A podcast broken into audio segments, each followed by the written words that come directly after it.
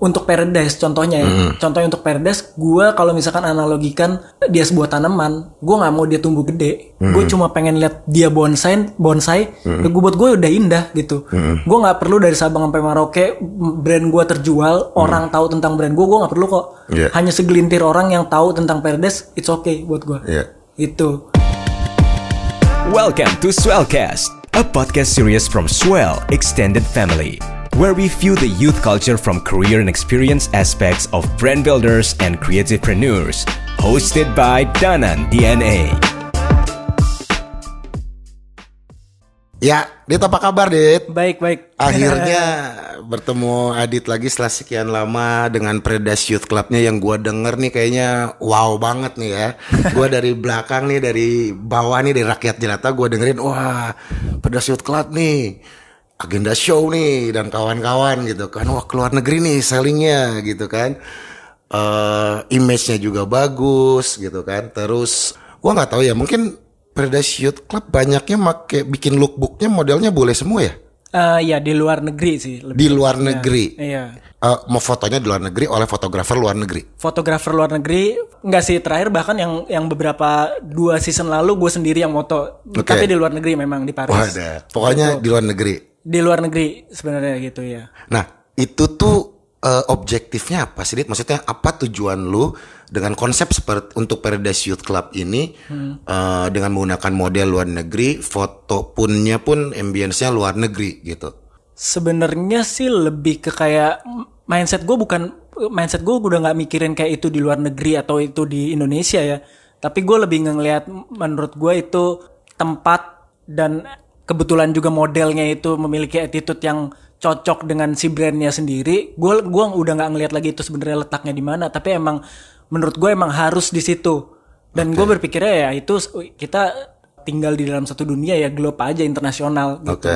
lebih ke kayak gitu sih Oke, berarti Paradise Youth Club ini memang berpikirannya kita ini satu bumi ini adalah global, global citizen ya. Ya, Jadi betul. kita tuh satu sebetulnya satu kan. iya Oke. Nah, tadi kan ada ngomongin masalah itu tidak cocok buat Paradise Youth Club. Berarti tidak menutup kemungkinan kalau memang ada di Indonesia orang Indonesia yang attitude-nya cocok. betul kita pernah ngelakuin itu kok sebenarnya Oke. pada saat waktu justru kita ngelakuin photoshoot itu di Indonesia di Bali dengan model eh, orang Indonesia juga dia salah satu artis yang lumayan oke juga di Indonesia Ican Harem kalau misalnya tahu Oke, pernah Eh, dengar gue. part of eh, Gabes Mo- eh Gaber Modus Apprendi Oh iya. Nah, nah Iya, dia iya. waktu itu jadi model kita. Justru itu kita jadikan dia model eh, pada saat kita collaboration sama salah satu brand dari LA Primitivo. Oke. Nah itu kita collaboration lookbooknya pakai Indonesia justru kayak gitu. Oke. Ya ya ya. Jadi kalau nggak tahu ya, gua melihat sangat terkurasi lagi untuk si modelnya, eh ambience-nya, untuk si photoshootnya gitu ya.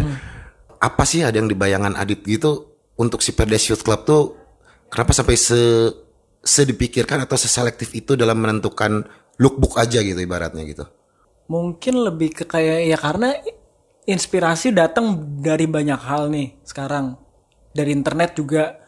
Terus ya dari segi lookbook ya gue pengen pengen bener-bener apalagi kan kul- kultur istilahnya em, kultur yang kita lihat kan juga berbeda-beda dari setiap negara. Mereka semua punya keunikan masing-masing gitu kan. Pada saat contoh eh, photoshoot terakhir itu di Ukraina gitu.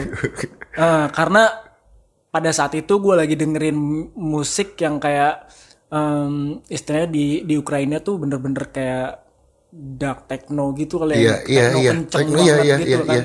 Dan gue gue ngebayangin itu pada saat bikin collection gitu kayak attitude orang yang datang ke party kayak gitu kayak gimana ya Iya, kan. iya, iya. Dan gue pengen ngelihat ya istilahnya em, selengeannya muka-muka ngehe anak-anak muda Ukraina tuh kalau Iya, misalnya iya, lagi eh, party di sana kayak gimana ya udah gue foto di foto di sana di Ukraina gitu yang terakhir kayak gitu Nah, itu berarti oke eh, apa namanya techno dark gitu kan anak-anak sana Ukraina. Nah, kalau ke dalam bentuk desainnya itu yang kayak gimana? Kebay jadinya gitu. Oh, memvisualisasikan bayangan lu itu as designer kreatif itu ke bentuk dalam desainnya seperti apa? Jadinya visualnya. jadinya visualnya ya waktu itu gue banyak ambil reference dari eh, poster rave party tahun 90-an. Oh gitu ya, jadinya visualisasinya begitu ya. Iya, bisa yang kayak gitu-gitu sebenarnya. Ya cukup liar lah sebenarnya. Iya, iya, iya, Macam-macam kita ambil kayak gitu. Oke oke oke oke. Menarik menarik unik unik. Ukraina kayaknya nggak ada di sini yang kepikiran Ukraina. Techno underground, underground dong. Underground, Ya kan di sana tuh techno gila gitu, underground banget gitu. Umum, hal umum. Iya. Oke. Terus eh eh dulu pernah di Bandung gitu ya? Dulu di Bandung Itu kerja di salah di di kerja kerja dulu di di pertama kali justru itu ya mungkin bisa dibilang gua start journey di clothing industry sini ya di start di Bandung itu Oh, dulu di Cosmic ya oke. Iya di Cosmic udah gitu terus uh, handle Peter Says Denim juga Lu di Kosming di Jalan Tanjung. ya Oh di situ. Kantornya, Ya? Iya, iya ya. kantornya. Lu di situ ya? gue bahkan start bukan dari kantor gue start da- dari shopkeeper Oh iya gitu. iya Oh, oke. Tapi orang Bogor kan? Gua orang Eh, Bogor. Orang Bogor Gua kan. orang Bogor. Kita tuh ketemu karena circle Bogor itu ya. Kita punya teman-teman Iya, circle Bogor iya, kan. iya, Maksudnya gue iya, ada iya, teman-teman circle Bogor akhirnya tahu Adit. Iya. Eh, terus gue juga sempat kaget. Ya itu kenapa gue tanya tadi di Bandung karena eh, emang bener gitu di Bandung lu pernah gitu ya. Dan Iya, iya, makanya iya, gue tanyain aja langsung iya gitu iya kan. iya iya Oh, di Bandung ya? di Bandung gua. Oh, dulu gue start dari dari shopkeeper eh, dari shopkeeper di Cosmic juga sampai akhirnya gue jadi desainer di situ oke. Kok nyambungnya gimana itu? nah itu ini itu dia. lucu. Eh, sebenarnya gini gue pertama jadi shopkeeper di Cosmic ya kan udah gitu sampai akhirnya gue mengambil keputusan untuk ah gue bikin bikin usaha sendiri ah gitu Oke. gue bikin usaha sendiri tuh. Nah namanya waktu itu Tis Kitchen tuh. Tis jadi gue kayak printing kayak customize gitu deh. Lu bisa lu bisa mau taruh gambar apa pun meskipun gue udah ada gambar beberapa yang gue udah gue siapin dan dan bisa langsung di print di t-shirtnya. Udah. Ya cuma waktu itu anak muda lah ya. Nggak bisa kelola uang dan segala macam akhirnya berantakan Senang-senang. ya kan? Senang-senang ya kan? Modal nggak balik. Jadi senang-senang doang gitu. Udah gitu akhirnya ya udah mungkin eh, Pak Yudi lah ya yang punya Cosmic waktu itu melihat gue punya kapasitas untuk mendesain segala macam nge-build brand ya udah dia hire gue as a designer. Oke. gue me- mensyukuri proses perjalanan itu karena kenapa gue punya benefit lain di antara desainer-desainer yang saat itu ada ya Oke. gitu. Kenapa? Karena gue tahu apa yang market mau nih ya kan gue kan dulunya di shopkeeper jadi gue Yeah, tahu customer tuh sebenarnya cari desain yang seperti apa lebih Oke. seperti apa gitu nah itu gue bisa implementasikan di situ Oke. Nah, gue punya benefit sendiri itu. Akhirnya eh, di tahun 2010 itu gue harus meninggalkan Cosmic. Eh, se- sebelumnya gue sempat sama Peter Says Denim juga. Ya. Gue harus meninggalkan Bandung untuk istilahnya ngambil perjalanan gue yang lebih besar lah. gue join sama salah satu retail company, Metrox. Ya. Di situ juga gue start karirnya gue cuma ngedesain untuk Crocs brand. Oke. Uh, which is semua semua aset itu udah dari prinsipal tuh. Ya. Gue bener-bener kayak semua semua experience, semua knowledge yang udah gue dapet nggak guna tuh. Iya. Bener-bener. Gue cuma kayak kita butuh POP, kita butuh diskon sekian persen. Gue cuma relayout relayout dari Iya. aset yang ada. Oke. Sampai akhirnya uh, satu tahun berjalan itu gue ngajuin resign. Mm-mm. Gue ngajuin resign ke bos gue, dia nanya kenapa lu mau resign gitu kan? Ya karena gue gue tahu ini kayak company bigger dari company gue yang sebelumnya gitu, tapi gue nggak dapet apa-apa gitu Yeah. di situ.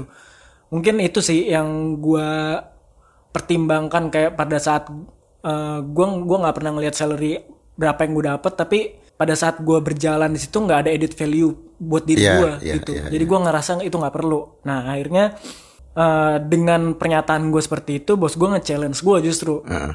Nge-challenge gue untuk bikin Crocs bags. Apa itu? Tas Crocs. Crocs. Oh, Oke. Mm. Akhirnya kita kita ajuin desain ke prinsipal segala macam sampai ke tingkat prinsipal US-nya dan itu approve oke. Dari situ mungkin eh, si bos gue itu ngelihat kayak wah ternyata kita bisa ya punya in-house brand sendiri gitu kan. Akhirnya kita bikin in-house brand sendiri itu Wakai. Oke. Wakai Shoes. Booming tuh wak- pada masanya. booming besar sekali gitu sampai sekarang juga mereka masih masih jalan meskipun ya dengan dengan adanya corona ini ada ada sedikit eh, penurunan lah pastinya semua semua sektor pasti mengalami penurunan Eh, sampai itu gue join di 2010, 2011 gue handle Crocs, 2012 kita bikin Wakai, Iya. 2012 ke 2015 itu gue ngalamin kejenuhan lagi. Oke. Ngalamin kejenuhan gue bikin brand yang diterima oleh mass market lah ya. Iya. Istilahnya gue jenuh nih kayak gue harus kayak feeding market terus nih. Iya. Gue pengen punya ego gue sendiri nih. Iya. Akhirnya gue bikin Paradise itu Oke. gue bener-bener bikin yang kayak apa yang gue mau tanpa approval bos gue Iya, kan iya, gue iya, punya iya. dengan dengan modal yang seminim mungkin gue Hmm. gue mulai terus dengan ya yang beli juga cuma anak-anak kantor saat Iya, itu. udah gitu eh, ya udah tuh dari situ mulai berkembang sampai akhirnya oh iya di tahun segitu juga kebetulan si tempat gua kerja itu kan eh, yang bawa Carhartt ke Indonesia. Mm-mm. dari situ gue banyak belajar tuh. Oke. gue banyak belajar gimana nge-build uh, streetwear brand ya terutama ya kalau Carhartt kan waktu itu soalnya Carhartt work in progress gue belajar banyak gimana kayak kita harus ngerjain collection itu timelinenya berapa lama gitu. Gimana caranya kita sharing line sheet ke wholesale account kita. Itu gue banyak belajar banget dan gue uh, terapin itu di Paradise. Hmm. gue terapin di Paradise dan gue ngelakuin beberapa collaboration. Pertama collaboration sama brand Australia terus uh, di US juga di Korea pernah collaboration sama Alpha Industries bomber jacket kita bikin limited edition dari situ gue banyak belajar lah intinya sampai Oh, Alpha Industries ada ya yang Ada. spesialis bomber itu iya kan iya ya? iya iya kita Keren-keren pernah tuh. collaboration itu di Korea doang rilisnya waktu itu Nah, kan eh oh di Korea aja. di Korea aja waktu itu Oke, rilisnya. ada special occasion berarti ya itu. Eh, Apa nggak sengaja di sana aja? Jadi eh, ada satu toko bawa brand Paradise di sana dan kebetulan dia jual juga Alpha Industries. Oke. Nah di situ dikawinin tuh sama dia sama toko ini Oh. gitu. Oh, itu ketemu si itu tuh begitu ya. Ketemunya gitu. Oke. Nah, Nah. Hmm. tadi tadi yang sorry ya, eh, yang tadi kan banyak collab apa brand-brandnya kan luar negeri semua ya. Hmm. Itu itu caranya ngonteknya gimana sih, Dit? Kalau dulu ya dulu waktu waktu gua running a brand gitu ya, Hmm, dari brand itu, gua itu benar-benar literally cari kontak di email, di kontak di websitenya gua email mereka atau malah zaman Twitter masa itu kan gitu Hmm, dan akhirnya ya seperti itulah gitu. Nah, kalau Iya. sekarang tuh seperti apa sih dengan era seperti gini? Nah kalau sekarang sebenarnya banyak macam-macamnya nih. Kalau yang Alpha Industries itu kebetulan ya dibukain jalan sama toko tersebut ya. Tapi kalau yang pada saat waktu itu sama Primitivo kebetulan lucu juga nih. eh, foundernya lagi main ke Indonesia. Oke. Tapi ke Kalimantan, ke Borneo ya kan. Iya. Dia gue ngeliat di Instastory dia lagi wah di Indonesia nih. Oke. Ya udah. Dan lu gua- nggak kenal itu ya? Gue nggak kenal. Ya. Gue tembak aja langsung "Oh, lu lagi di Indonesia, lu main dong ke Jakarta gini gini gini gini kita kita ngobrol ya kan. Ya. Gue suka brand lu ya kan. Lu coba cek check out brand gue, brand gue Oke. gini gini gini. Udah sesimpel secasual itu aja. Oke, oke, oke. oke. Gitu. Akhirnya ya udah kita collaboration ayo itu oke, jalan. oke. Berarti tapi kan si dia ini udah under radar lu yang memang lu sering lihat ya kan? Iya, Oke, benar. dan lu akhirnya mengikuti dia Betul. di Kalimantan nih. Iya. Tembak aja nih gitu Iya, ya. Oh, Oke. gitu. Ya, ya, ya. Nah, terus kan kalau yang si Alpha Industries itu kan berarti dikawinkan oleh si toko yang ada di Korea. Iya. Nah, lu bisa masuk ke toko Korea itu gimana caranya? Kenal kah atau memang offering atau gimana? Nah, kalau toko Korea itu eh, sepertinya karena media. Hmm. Ya si Paradise ini menurut gue bisa bisa bisa dikenal di beberapa negara itu. Satu ya karena em, link communication juga. Eh, terus kedua ya karena media ya. Kita eh, waktu itu yang kayak pada saat diliput sama beberapa media luar kan kayak Hypebeast, High Snob juga begitu sama beberapa media Jepang. Mungkin itu dari situ mereka lihat sih gitu. Akhirnya ngontek kita. Nah itu itu pasti eh, ya bisa sama media tersebut pun berarti memang udah ada hubungan ya. Maksudnya kan gua nggak tahu ya. Kalau dulu dulu waktu denim gue nih ya, zamannya gitu ya. Ah, gue pun mas makanya bisa ada waktu itu ada sales agent di Australia dan kawan-kawan luar negeri itu karena memang gue masuk ke denim eh, blog-blog denim atau website denim berita-berita itu yang di luar negeri global. Jadi akhirnya ada yang datang. Iya. Jadi gua jadi orang datang dengan sendirinya setelah masuk apalagi kan kalau Paradise mungkin jalurnya yang zaman sekarang mungkin si Hype Beast High Snob Society itu iya, kan. iya. Jadi orang lagi mantau Iya, gitu ya akhirnya iya. kontak lo ya. Berarti emang ada jalur langsung ke si media-media itu ya. ada jalur langsung sih sebenarnya enggak sih sebenarnya itu kayak sebenarnya mereka juga email email editor email kontributornya itu semua ter, terpampang jelas gitu di websitenya mereka Iya. gitu kita tinggal kontak aja gitu sebenarnya kalau kalau dari gua sih ya sesimpel kita sebar press release aja Ya, kayak gitu. sih sama itu kayak Eastern dulu. Iya, iya. Iya. Terus Gua nulis kan free kan, kita by email doang, udah High kirim aja. tuh gue gitu. Jadi akhirnya gue tahu editorialnya kenal gitu ya. Iya. Dan sekarang masih streetwear banget, masih Iya, makin jadi mereka Iya. yang zaman-zaman itu ya. Wah gila-gilaan. Gitu. Gitu. Karmalup dulu Iya, gitu kan. Iya zaman gitu dulu. kan Karmalup. Ya gitu dulu. Sama sama sama gayanya. Cuman emang gua ngelihat sekarang kalau dulu mungkin eh bisa kayak nggak belum banyak orang melakukannya. Hmm. Kalau sekarang kan kayaknya luas banget semua bisa ngelakuin apa ya sesimpel DM DM aja sama si Benar, brand pun bisa jadi collab kan. benar-benar Gitu. Jadi memang chancesnya tuh untuk global tuh gila juga gitu ya. gila dengan dengan adanya digitalisasi ini makin gila gitu Iya. karena mungkin gini loh dulu dulu istilahnya ya kita ngelihat beberapa 10 tahun ke, ke belakang lah ya mungkin kayak orang yang bisa bikin brand itu ya cuma orang-orang yang punya privilege gitu. Iya. mereka bisa bisa punya kesempatan bahkan bahkan em, istilahnya ironisnya gitu ya. Di Indonesia zaman dulu bahkan beberapa kayak orang-orang yang punya brand ini karena dia punya privilege dia cuma kayak keluar negeri nih. Gue tahu nih di luar negeri yang lagi hits kayak gimana. Gue implementasikan nih gue bikin nih di Indonesia yang kayak gitu gitu.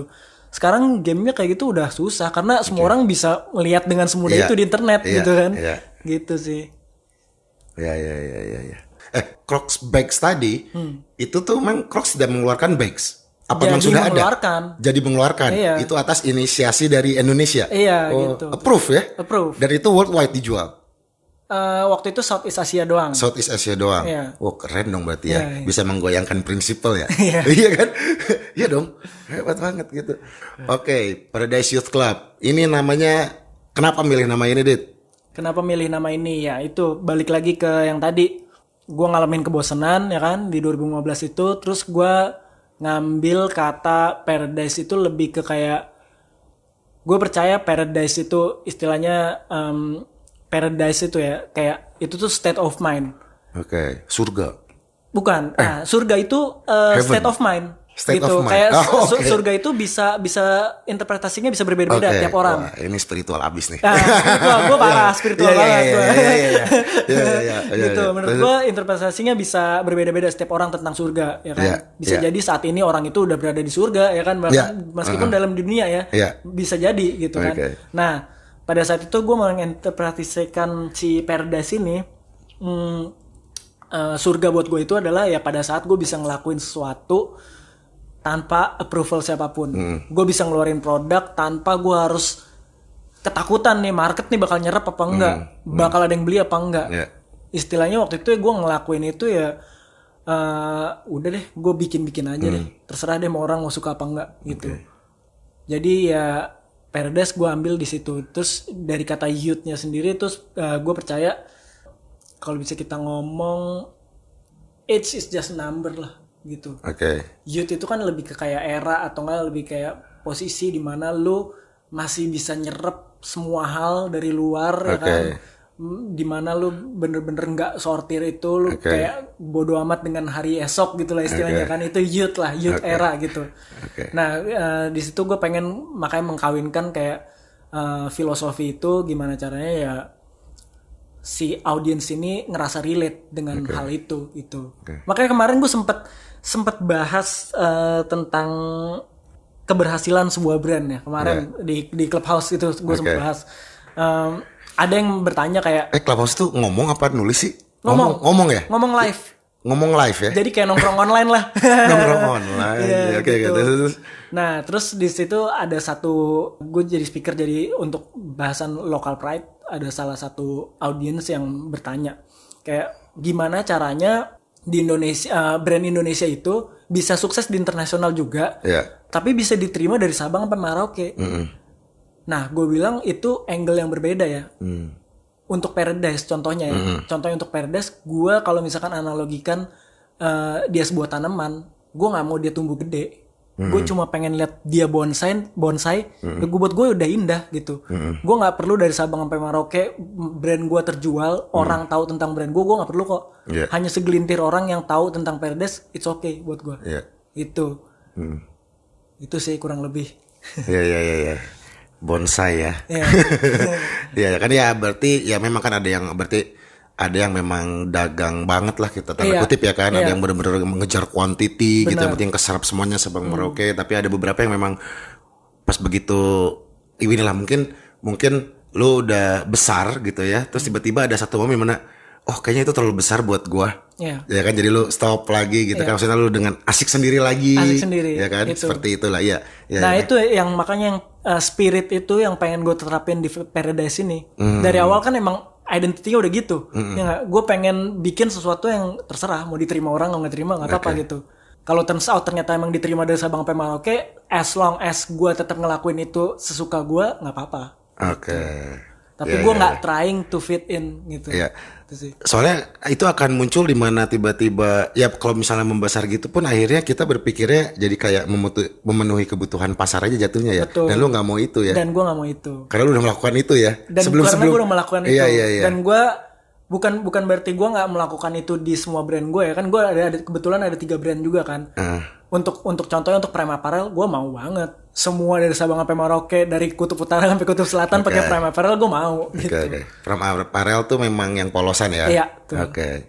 gitu Eh ngomong-ngomong harga berapa sih polosan itu dijual? Eh, untuk retail untuk retail price 120 ribu Oke. iya Iya iya iya iya iya. Iya, kalau polosan kan itu masarnya mes banget ya. Iya. Ah, ah, bisa bisa diterima.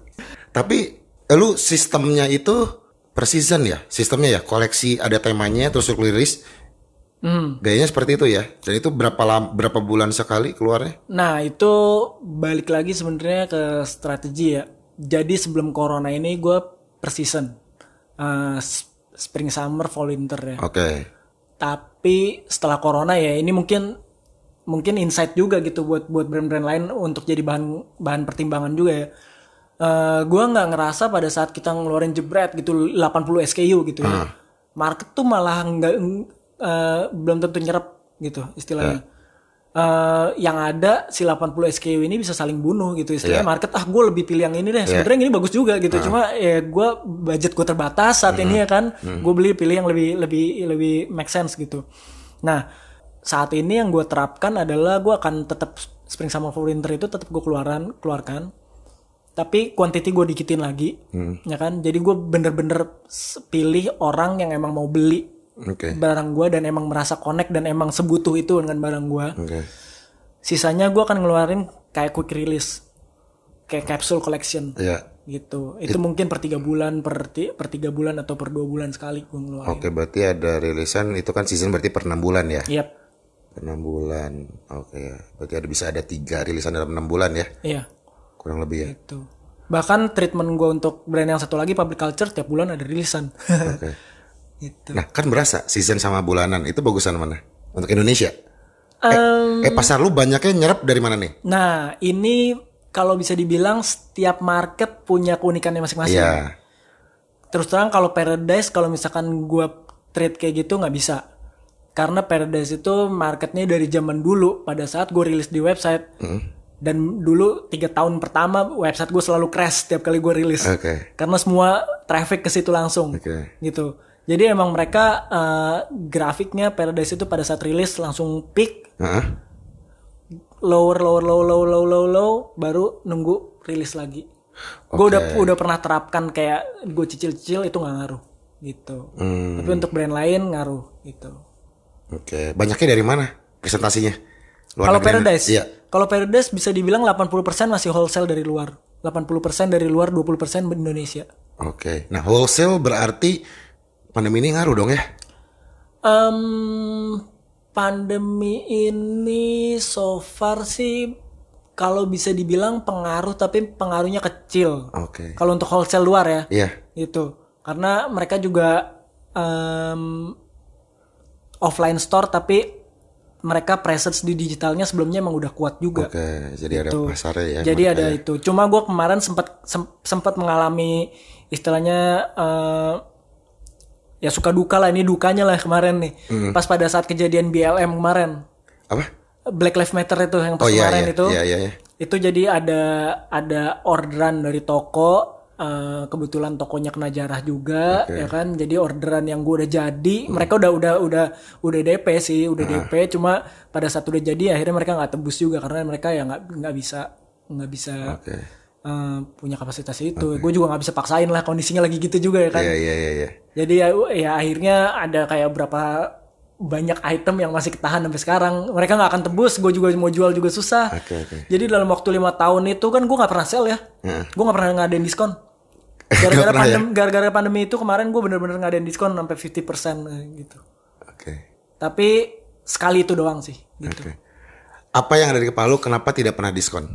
Apa yang lu terapkan untuk brand ini? Gue pengen eh, gini untuk brand Paradise ini kenapa gue nggak pernah diskon? Gue pengen customer gue ngerasain value yang emang bener-bener sama gitu. Eh, em, nggak ng- diskon itu kan biasa eh, artinya produk lo itu udah lewat dari seasonnya, Iya. udah lewat dari trennya Iya. gitu. Gue nggak pengen nggak pengen ngasih image itu ke brand eh, ke customer gue Iya iya iya. gitu. Jadi lu mau beli yang previous collection pun lu bukan karena lu trendy, bukan karena lu hype, bukan karena lu ngejar ngejar sesuatu FOMO kayak gitu. Tapi emang lu emang Iya. Lu suka, sama pro- Oh, produknya keren. gitu. Keren keren ya ya ya. ya. Terus kan tadi Adit bilang ya eh, dari Carhartt itu belajar banyak ya gitu. Ya. Memang kalau untuk masalah yang lain shit apa gitu itu idealnya emang gimana sih? Nah, gue belajar banyak. eh, contohnya gini, selama ini Carhartt yang gue lihat di Instagram atau nggak di image mereka lah ya, Iya. atau nggak yang di toko-toko yang eh, emang gue samperin gitu, wah keren ya gitu. Ternyata pada saat gue dapetin, gue gue ini gue belajar tentang produk tiring Iya iya. di Carhartt yang Apa itu produk tiring? Nah, jadi eh, pada saat itu eh, kalau misalkan ingat ada tren street god waktu itu di mana orang item-item lah pakai baju yang ada gambar bintang-bintangnya nah ya kan. Ya. Eh, gua nggak nggak berpikir kalau misalnya Carhartt nggak mungkin lah brand Carhartt bikin kayak gini, Gituan, ya. bikin desain kayak gini nggak mungkin lah. Oke. Pas gua terima line sheetnya ada desain kayak gitu. Tapi pertanyaan gua kenapa gua nggak pernah ngelihat barang-barang yang kayak gini, Iya. ya kan? Heeh. Ternyata barang-barang yang kayak gini ya dilempar ke market yang tier 3 yang untuk di dev store, yang untuk di yang untuk eh, di toko yang mereka taruh di kelas C kasarnya. Oke. Gitu. Itu mereka taruh tetap yang untuk feeding the market tuh ada gitu.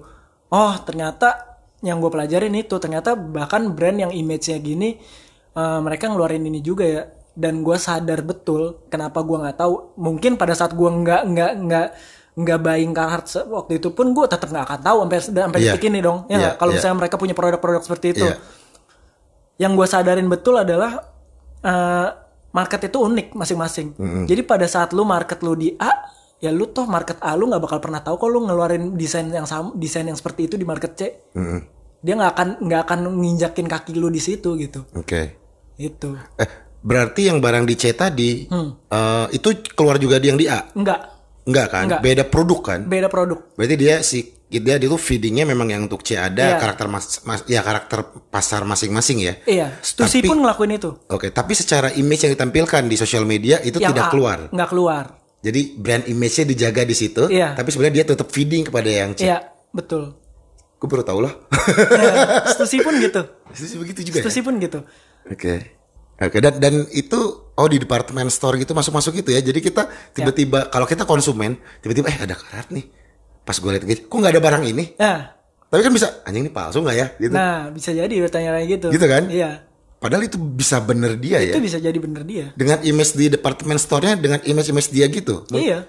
Seperti layaknya kita tahu dalam Nggak image. visual. uh, nah, itu gimana? Untuk visualnya pun mereka biasa ada ada batasannya biasa. Hmm. Jadi contoh untuk uh, uh, ya brand sebesar mereka mereka pasti pecah untuk kayak editorial dan lookbook itu seperti apa ya kan. Jadi mungkin editorial ini aset audit- editorial ini mereka nggak kasih sebenarnya ke yang untuk C ini. Mereka cuma boleh menggunakan logo aja biasanya. Oh. That's why kan sebenarnya kayak contoh kayak Carhartt, kayak Stussy. Core produk mereka kan logonya doang. Sebenarnya yang Iya, dijual iya. bener-bener Iya, yang iya. dijual kan logonya aja gitu. Sebenarnya hal-hal itu kejadian kok sama brand-brand besar. Kayak contohnya kita ambil kasusnya fans aja. Ya. Fans pun kan core produknya mereka kita sebagai buying buying buying fans saja core product cuma boleh kalau nggak salah ya cuma boleh 30% Hmm. gitu sisanya lo harus beli yang limited edition dan collaboration gitu dan yang warna-warna yang bukan core gitu. core produknya dibatasin Oh gitu ya. Tapi kalau zaman sekarang misalnya tiba-tiba gue di naro di Paradise naro di Ramayana gitu ya misalnya. Kan itu bisa ada orang ngeliat juga kan gitu. Bisa, ya bisa, kan iya. itu pasti terjadi gitu kan. Iya. Ya kan? Sekarang kalau kalau itu Paradise gue nggak nggak nggak terapin hal itu sih di Paradise. Nggak tapi misalnya kalau- Indonesia bisa seperti itu dong. Bisa seperti itu Sulit, sulit maksud gue gue ngejalanin itu kok. Di Oke. public culture gue ngejalanin produk Oke. tiring gue jalanin. Oke oke. Jadi apa yang gue jual di website gue Heeh. dan jual di marketplace itu berbeda gitu. Gue bikin eh, produk khusus marketplace gue bikin oke gitu Eh, itu banyak pertanyaan dari konsumen nggak Enggak, so far enggak. Enggak. Karena tadi itu yang gue gue balikin lagi. Market lo yang datang ke website belum tentu datang ke Iya, Shopee. iya. Iya enggak? iya iya beda beda Iya enggak? Heeh. Sampai detik ini aja pun gue nggak pernah tuh eh, belanja di Shopee karena gue memang bukan market target market mereka. iya iya iya gitu. iya iya iya iya iya iya iya menarik menarik Iya. Dan brand image yang gue tampilin di Instagram ya tetap brand image yang sesuai Iya. yang gue mau tampilkan. Iya, iya, iya, iya. Gitu. Lalu ada di sono ya? Ada. Oh, gue cek antar. silakan silakan. Oke, oke berarti 80% tuh di luar ya wholesale ya, 80% di luar kalau Paradise. gitu ya? Dan ya, ya, ya. Itu berarti itu adalah yang ter- bisa seperti tadi itu terjadi gitu ya 80% di luar itu karena memang pas awalnya itu memang ada ada ada ada ada di media-media itu ya, Iya. ya kan? Dan itu terjadi di awal-awal kan? Iya. Belum se-hype kayak sekarang ini ya maksudnya? Iya dong. Iya, iya, iya. Jadi memang masih agak bisa dibilang agak lebih mudah lah. Makanya dulu sih Denim pun agak nggak tahu ya. Benar, benar, Iya benar, kan? benar, benar, benar. Dulu juga gue kayaknya nggak terlalu sulit-sulit amat gitu. Iya. Cuma niat doang aja pengen. Mungkin yang lain nggak ada kepikiran gitu Iya. kan. Dan karena kayak kayak waktu itu mungkin orang masih ke kayak ya kita exchange uh, information antar negara itu tuh masih sesuatu yang kayak wah seru gitu. Iya, iya benar. Sekarang udah ada value-nya kan. Kayak ya gue mau ngepost lu berapa nih nanti iya lu iya mau iya bayar iya, berapa benar-benar. gitu kan. Oh benar dulu juga karena ya si Denim itu kan oh dari Indonesia nih ternyata ada seperti ini aja gitu gitu. Gue bahkan waktu itu eh, kayak empat season pertama itu Paradise photoshoot semua gratis. Hmm. Foto di luar gratis. Kita bener-bener barter produk doang. Itu mereka yang ngubungin. Mereka yang ngubungin ada, ada yang gue ngubungin juga ada. Oke. Tapi bener-bener kayak ya udah kita sama-sama oh sama-sama istilahnya ya ngejejekin kaki di Iya, digital itu masih baru lah. Iya iya bareng-bareng. iya. Ya masa itu masih enak ya. Masih enak masa itu. Masih enak ya. Sekarang semuanya value. Iya. Tapi fair enough lah menurut gua kayak ya eh, mereka juga istilahnya nge nge-spread eh, apa yang kita punya ya kita ada certain value yang harus kita bayar itu fair enough sih menurut Iya iya iya iya. Terus berarti pandemi ini mau sampai akhir tahun ini kalau kolaborasi itu emang dijadwalkan Dit? atau emang lagi kayak wah Indonesia nih. Eh, maksudnya kayak kemarin kan si Kalimantan itu kan. Iya. Lu ngontak Kalau- aja gitu kalau agenda khusus gitu agenda khusus ada yang udah dijadwalkan udah untuk tahun kita ini. tahun ini udah beres sih semua penjadwalannya sampai sampai Desember Oke, itu luar negeri semua. Em, so far iya Luar negeri semua ya. Iya. Jadi emang di situ gitu ya. internasional sih sebenarnya mungkin Internasional. ah, ya internasional. Ya, ya, ya. Berarti memang terlihat memang si Paradise Cup tuh ya mainnya global lah bisa dibilang Iya. begitu lah ya. iya Global citizen. Nah, Ya sebenarnya ya itu kemarin eh, balik lagi ke bahasan tentang local pride lah. ya. heeh. Em, yang harapan gua terhadap brand-brand di Indonesia sih sebenarnya itu sih. Eh, kita berpikir lebih global gitu. Dalam artian em, apa ya? Kayak kalau pada saat kita em, bersaing di skena yang kecil ini lah, istilahnya kan market kecil nih di Indonesia. Kita akan saling makan satu sama lain gitu ya. karena di luar sana sebenarnya ya eh, contoh Paradise ada brand-brand Indonesia lain juga di luar sana di eh, dari Indonesia udah udah jual di luar sana juga kan Eh, kita nggak nggak nggak saling singgung nih marketnya Ya. Karena market di luar sana pun seluas itu Iya. gitu kita tinggal setting mau target marketnya siapa price pointnya mau berapa ya kan Iya. itu kan udah strategi itu sih Hmm. Ya, ya, ya. Minum dulu silakan loh. gue dari tadi udah minum mulu nih, Dit. Ya. Oke, Paradise Youth Club Prime Apparel ada terus dan oh ya sekarang nih di sini eh kebetulan gue lagi di kantor KMI itu ada di badan usahanya Ya, PT-nya. PT-nya, PT-nya untuk Kultur si Muda Indonesia. Kultur Muda Indonesia. Muda Indonesia, Wih, namanya Kultur Muda Indonesia ya KMI. Ada toko juga di sini di mana isinya itu ada Prime Apparel, ada eh, Public Culture, ada Paradise Youth Club ya, in-house brand. Gitu dan rencananya buka besok. Oh, mungkin ini berarti udah kalau ini uploadnya kapan nanti berarti udah beberapa minggu yang lalu mungkin ya Iya. bukanya ya kan. gitu.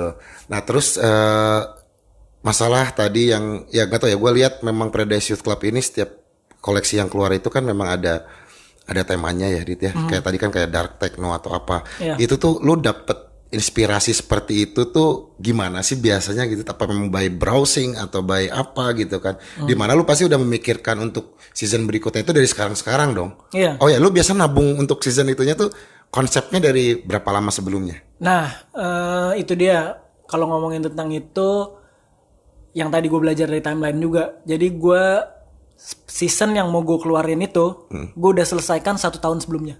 Wajing. Jadi gue ini sedang menuju ngerjain Spring Summer 2022. Singapura 2022 di mana lu harus bisa predict nanti eh itu berarti udah bermain itu dong Nah. predict trend dong Nah, itu dia kemarin yang em, ada pertanyaan yang sama tuh tentang gimana lu predik gitu kan. Pada saat lu bermain em, pada saat brand lu bermain dengan tren, lu harus predik. Mm-mm. Dan gua nggak bisa keep up dengan itu gitu. Gua gua gua pasti tuh umur gua akan makin menua dan gua udah nggak on trend lagi ya Iya, kan. iya. Eh, di situ yang gua mainkan adalah style oke gue yakin style itu nggak akan pernah nggak akan pernah jadi eh, lame lah nggak nggak akan pernah jadi out of trend gitu oke Eh, jadi yang gue perkuat adalah stylenya. Attitude yang kayak gimana sih yang mau dibawa style yang kayak gimana sih yang mau dibawa. Dengan kayak gitu lu eh, lu nggak lagi predict the trend tapi lu ada chance untuk create the trend. Hmm. gitu. Contohnya style tuh yang kayak gimana? Eh, ya contoh kita eh, kita ngomong pang. Mm-mm. pang itu kan style kan? Bukan tren ya Oke. kan pada saat lu bawa attitude pang ya kan? Ya. itu eh, ada kemungkinan di circle tren itu trennya lagi berputar ke arah pang oke atau 90s 90s era gitu iya. itu kan style bukan Iya, tren ya kan nah itu Oh, ya tapi misalnya kita kilang kita tahun depan spring 22 misalnya 90s kayak 90s kan udah kemarin-kemarin nih. Hmm. ya udah kemarin-kemarin Itu berarti kayak itu tren dan itu itu eh, itu style yang kemarin-kemarin menjadi tren tren ya Iya. kan? gitu. Tapi kalau lu mau tetap bawa itu, orang akan tahu kalau misalnya benang merah lu atau identity lu itu 90s Iya, iya, iya, Iya. iya, iya. iya. gitu. Berarti tuh predict Pasti up and down eh, lu lu pasti akan mengalami up pada saat eh, em, apa yang lu bikin tren. Ya. Ya, pada saat itu lagi tren. Contoh kasus kita ambil eh, eh, streetwear brand di luar FUCT misalkan. Ya. dia dari zaman dulu attitude-nya gitu aja ya kan pasti mere- mereka mengalami up and down tuh pada saat udah nggak tren Iya. oh, streetwear udah mulai ditinggalin mereka low banget tuh Iya. ya that's why uh, kenapa Paradise attitude-nya kayak gitu ya gue pengen tetap ngelakuin apa yang gue suka meskipun dalam keadaan low ya gue terima-terima aja gitu Oke. Tapi harus keep up juga dong. itu tantangannya Itu sebenarnya. tantangannya ya? iya Iya, iya, iya. Nah, tantangan itu dijawab dengan apa? Pernah nggak dalam satu season kemarin gitu, misalnya lagi nggak pede kah tiba-tiba ganti seasonnya desainnya atau mungkin tiba-tiba aduh ternyata sa wah trennya lagi kuat di sini banget nih, gua ada lagi di sini, bener-bener low. Berarti setiap season bisa terjadi seperti itu dong. gue sih nggak pernah sih Jadi dar dar dadar aja ya. iya Oke. Jadi kalau misalkan emang ternyata trennya nggak di situ, ya it's okay lah. Gue gua balik lagi ke balik lagi ke pemahaman awal lagi yang Oke. emang gue bikin ini karena emang gue mau bikin ini gitu. Oke. Oke, berarti memang lu cuek aja ya gitu. Cuek ya? aja di Cuek aja. Tapi eh, nah, apa yang bikin lu dan itu masih keserap sama market lu sendiri kan? Masih. Itu yang kira-kira mereka buat stick to Paradise apa sih? lu bisa bilang market lu itu loyal. Lu udah punya loyalis nih ibaratnya nih. Lu udah tahu itu. Udah yakin akan itu kah? Sebenarnya mungkin kalau misalkan lu mau ikutin ya gue gue percaya ada ada yang emang loyal satu juga. Tapi contoh kasus em, ada beberapa tren yang emang gue juga gak ngerti sih sejujurnya gimana itu bacanya. Cuma kadang ada sense-nya aja gitu. Iya, iya, iya, iya. Contoh pada saat 2019 2019 itu Public Culture kan bikin special merchandise untuk USS waktu itu. Oke. Gue bikin, gue gue decide, gue bikin kan USS eh, identik dengan sneakers ya. Iya. Gue decide pada saat itu udah kita bikin eh, istilahnya kita interpretasi eh, Nike Dunk jadi Nike Public Culture gitu. Eh, gua gua terapin di situ. Em, karena gua ngerasa Dunk ini akan hype lagi gitu. Ada ada ada ada circle di mana kayak ini bakal berputar Iya. di hype lagi. Dan bener di 2000 2020 itu kan Dunk hype lagi kan sampai kemarin juga yang pas kita di Indonesia beberapa store ngadain raffle juga Iya. gila-gilaan gitu kan. Nah, udah gitu terus contoh lagi kayak eh event USS juga sih waktu itu. Eh, si Paradise itu kalau misalkan tahu ada Polo Bear, ya kan, USS bikin em, istilahnya bootlegnya, kita bikin Stone Bear, bearnya beler gitu jadinya Stone Bear. Oke, iya, kita iya. bikin dia pakai baju Paradise segala macam, karena di situ gue ngerasa ada sense ini bisa akan jadi besar nih. Oke. Dan bener sampai sekarang eh bahkan Dover Street Market selalu ngambil special release-nya Stone Bear itu. Oke. Si Stoneberg ini berarti dari terus-terusan dong? Rules dari terusan tapi Repeat, di- repeat, di- repeat. tapi enggak gue gua ada beberapa version sekarang sampai udah yang kelima Oh, kayaknya menggunakan icon si Stoneberg itu. Iya. Lu grafis grafis maksudnya Iya. remake remake remake Iya. grafis baru Iya. gitu ya. Dan terakhir terakhir yang itu. hits eh, yang jualannya gila banget tuh kemarin yang pas pas 2020 itu gue ngeluarin pandemic bear bearnya pakai masker Oke. nah itu lumayan eh, bisa dibilang saving paradise S lah kayak Oh ya? di 2020 Si Stone. Bear Iya, itu iya, awalnya. iya, iya, iya, iya. gitu lumayan gitu udah gitu ya lagi-lagi yang tadi gue bilang mungkin gue nerapin itu kayak kita rilis eksklusif rilis di Dover Street Market gue nggak rilis di website gue apa yang dirilis di Dover Street Oh, dia punya minta edisi khusus untuk yang si Iya. bear-bearan itu. iya gitu Oke. Keren deh. Dari beruang beler ya ternyata Iya. ya ya. Oke oke oke. Dan itu karena memang karena yang awalnya dari USS itu ya, lu ada inspire aja dari situ ya. Ini kayaknya nih bakal besar gitu. Iya. Itu lu pikir itu benar-benar intuisi atau gimana sih? Atau apa pasti ada referensi kah atau apa? kadang intuisi dan dan berani ambil resiko kali ya Itu ya. Nah, Contoh gini, em, orang join di USS pasti mindsetnya gue mau gue mau cuan, gue mau cuan ya kan. Oke. Marketnya gede banget, gue Iya. harus jual produk sebanyak banyaknya. Iya. Gue di USS waktu itu, gue cuma jualan sampai hari kedua. Karena apa? Karena gue bener-bener di USS cuma rilis si Stone Bear itu doang. Oke. Habis aja. Hari pertama habis, hari kedua gue nggak jualan. jadinya. Jadi hari-hari berikutnya gue cuma display doang. Oke. Gitu, karena gue cuma bener-bener jualan satu produk itu doang Oke. gitu nggak semua artikel gue masukin Iya ya, orang ikutan event seperti itu cuan barang banyak apa pun itu ya. iya Nah itu lu yang pikirin apa? Apakah memang eh, ikutan event itu yang bisa dibilang nggak murah juga? Apa exposure kan ngejar atau emang lu pengen Hmm. Exposure. explore aja lu mikir ya? iya Jadi- karena karena gini menurut gue em, mungkin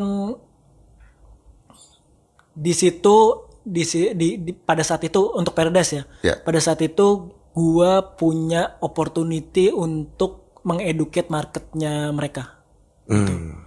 gue kan ngelihat market mereka kan very younger generation itu tuh kan ngelihat eh, mereka FOMO nggak nggak mau ketinggalan hype Iya. mereka hunting barang itu buat resell Oke. bukan buat diri mereka Iya, sendiri iya, iya, gitu iya. kan itu yang yang yang itu gue ngerasa gue punya opportunity nih Oke. untuk ngeduket mereka. Kayak gue jual barang yang buat lu pakai sendiri gitu. Sampai hari kedua juga ada yang nanya "Eh, mas eh, udah udah habis ya? gitu kan. Udah habis kan dari kemarin udah kita tulis soal. Oh kirain kirain kemarin doang habisnya. Jadi istilahnya habis pura-pura gitu Iya, ya kan. iya, iya, iya, Nah, iya, iya. kalau kalau kita enggak gitu. Kita habis ya habis as it is gitu. Oke. Itu tapi ada yang resellnya lagi nggak? gue nggak tahu deh ada yang resell Oke. apa enggak. Sebenarnya ya gue harap sih sebenarnya semua orang pakai itu untuk keperluan mereka lah. Ya, gitu. karena suka itu Iya, tadi tapi kan. ya kalau misalkan emang toh di resell ya itu hak, hak mereka. mereka. Cuma eh, di situ gue punya punya opportunity untuk mengeducate market itu aja sih. Oke. Ya gue harap at least kayak 20-30 persennya kena dengan apa yang gue lakuin. Iya iya iya. Gitu. Terus waktu di situ eh si Stone Bear-nya ini Hmm. lu komunikasiin juga dong berarti ke mereka nih. Iya. Itu itu sulit nggak sih mereka nerimanya? Em, Kadang-kadang problem adalah kita pengen sesuatu yang disampaikan, Hmm. tapi mengkomunikasinya itu sulit gitu dan part marketnya nggak dapet gitu kan. Hmm. Sementara lu memberikan nyawa lo di produk itu, itu kan kadang-kadang sulit tuh. Dit. Hmm. Lu punya tips and triknya nggak sih gitu kayak yang masalah Stone Bear tadi kan, Hmm, gitu maskeran gitu gimana gitu. Mungkin maskeran gampang ya karena visual masker mungkin ya, Iya, pandemi kalau itu pada saat langsung identik. ya. Hmm. Ya. Sebenarnya ya u- kalau sebelum sebelum sebelum apa ya sebelum pandemi se- mungkin lebih mudah ya karena em, enaknya kan pada saat event itu gue bisa ngejelasin langsung nih ke customer gue dan gue dan dan gue terus terang dapet opportunity juga untuk collaboration sama eh, international jam tangan ya. Ada ada merek international international watch gitu Eh, kita akan lakuin collaboration di tahun ini itu gara-gara hal itu juga gitu. Hmm. gue jelasin ke mereka mereka datang dari Jepang prinsipalnya datang dari Jepang gue coba jelasin kalau misalkan eh, idea dari cerita gue kayak gini. Nah eh, balik lagi ke soal yang privilege tentang zaman dulu ya. Mungkin pada saat zaman dulu tuh orang bikin brand itu lagi ya. Cuma ini bebas sih. Eh, cuma pada saat lu bikin brand lu mindsetnya cuan aja gitu nggak ada yang lu komunikasikan ke Iya. customer lu Iya, iya, iya. gue ngelihat contohnya gini eh, salah satunya ada brand Noah dari New York Heeh. itu dia ownernya eh, stay di toko juga Stay tinggal. Eh, maksudnya Jaga toko. jagain toko Oke, juga iya. gitu jadi pada saat lu datang dia bisa jelasin nih Oke. maksud dari desain ini apa sih Iya, iya, iya. nah di KMI Space ini jadi promo nih gitu. di Lalu nggak KMI apa-apa Space dong. ini Heeh. eh, kenapa Oh, KMI Space sebutannya. KMI Space. Oke, ya. ya. Nah, kenapa KMI Space itu gue adain eh, di dalam kantor ini sendiri juga? Jadi gue pengen eh, kita bisa komunikasi juga sebenarnya Oke. sama customer.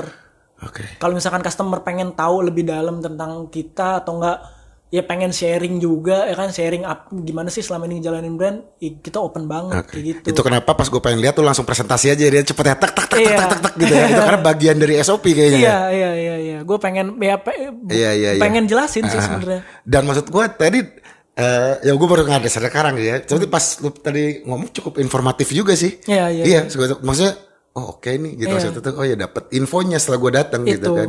ya karena sekarang gini semua semua pas udah pasti deh ini hal yang nggak bisa kita pungkirin lah semua digitalisasi ini semua pasti akan online ya kan human touchnya pasti akan berkurang Hmm. Ya, emosional. emosionalnya pasti akan berkurang ya kan nah cum gue cuma bisa kasih itu di offline store gue doang ya nggak? Ya, ya. pada saat gue punya kesempatan opportunity itu di offline ini ya gue memanfaatkan Untuk mungkin. komunikasi itu ya. iya Keren. Gitu. keren, keren, keren. KMI Space. Eh, KMI? Space, KMI iya. Space ya. Tinggal buka tempat kopi gitu kan, atau apalah, atau bar mungkin ya, gitu kan. nggak udah gitu. ada banyak tempat kopi kan sana Oh, pas iya, iya, sudah iya, banyak iya. Benar, benar. Gitu-gitu. Eh kalau ngomong-ngomong berarti kalau yang Satria Tower itu yang sempat kita ketemu itu itu Metrox berarti ya? itu Metrox Oh ini kalau KMI di sini ya. Iya. Gue bilang Gue masih Tower. kerja buat Metrox sampai sekarang. Lah, office hour? Enggak. Eh, Udah bos ya. eh, bu- enggak, bukan bos, bukan bos. Jadi gue si sifatnya seminggu itu masuk dua kali. Office hour sama gue staff Oke. gitu. Oke. Seminggu, Seminggu, dua, kali. Iya. Ngecek doang. Hmm, ya meeting bareng Oh, meeting. yang tim yang lain. Oke. Terus ngurusin ya banyak banyak hal juga. Oke. Agak melenceng Metrox itu jadi megang apa aja ya brandnya? In-house brand mereka semua. Oh. Eh, saat ini ada Wakai, The Little Things She Needs, produk cewek, ada Paul Frank, kita license ambil. Ah, license itu kan. Eh, udah gitu ada Stout, tas. Eh, kalau so far sih in-house brandnya baru itu, Oke. gitu. Nah, si Paradise udah ada sales agentnya belum yang di luar negeri? Udah ada. Udah ada ya. Udah ada. Tapi ada beberapa yang memang lu masuk ke toko ya kan? Ada yang langsung ke toko, ya. Sales agent pun kita ada beberapa. Yang di mana aja, Dit? Ada di Jepang, Di Jepang itu sales agent berarti ya? Dia yang Sales distribute agent. berarti? Iya. Oke. gitu. Di Jepang, terus untuk yang di Europe juga ada, Oke. gitu. Sama Southeast Asia ada. Southeast- Cuma ada beberapa yang emang agentnya itu nggak eksklusif, jadi gue bebas jual juga ke toko directly. Oh, oke. Ada beberapa agreement yang emang nggak eksklusif. Nah, kalau Yesus berarti tabrakan dong bisa terjadi. Bisa, bisa terjadi. Oh. Tapi kan kalau misalkan gue terapkan eksklusif, artinya dia dalam satu collection dia ada minimum buyingnya, gitu. Oh, dia nggak bisa seperti dia nggak itu. bisa nggak bisa nggak bisa Oke. penuhin. Nah. Tapi ada beberapa contoh yang kayak di Jepang itu eksklusif. Oke. Itu ada megang beberapa brand Indonesia juga atau tidak? Enggak, Enggak ya? enggak. Soalnya ya itu sama kayak denim gua dulu itu Hmm. begitu udah ada publish di global website global gitu kan akhirnya ada sales agent datang gitu. Iya, Nah, iya. Tapi emang agak nah waktu itu gue juga baru ya terus agak bingung dengan masalah promosi. Nah Hmm. maksudnya kalau sekarang tuh gimana sih dengan agent itu apakah mereka menuntut ada promosi di sana atau gimana? Kalau agent terjadi terus sekarang, terang, zaman sekarang? Kalau agent sebenarnya terus terang mereka nggak ngelakuin promosi apa apa, promosi tetap dari kita. Hmm. Mereka emang bener-bener kayak representatif aja lah, mempermudah kita tektokan sama toko-toko ya kan dan mempermudah kita approach uh, toko di sana kan. Karena terutama Jepang ya, Hmm. terutama Jepang kan nggak ya mereka kadang bahasa Inggrisnya juga agak susah Hmm. gitu kan. Ya kita butuh sales representatif di sana. Tapi kan kadang-kadang kalau kata ya gayanya misalnya kalau kita mau dagang ke warung nih, kita mau dagang kerupuk ke warung. Hmm. Untuk beli putus si warungnya kan ada TV nggak?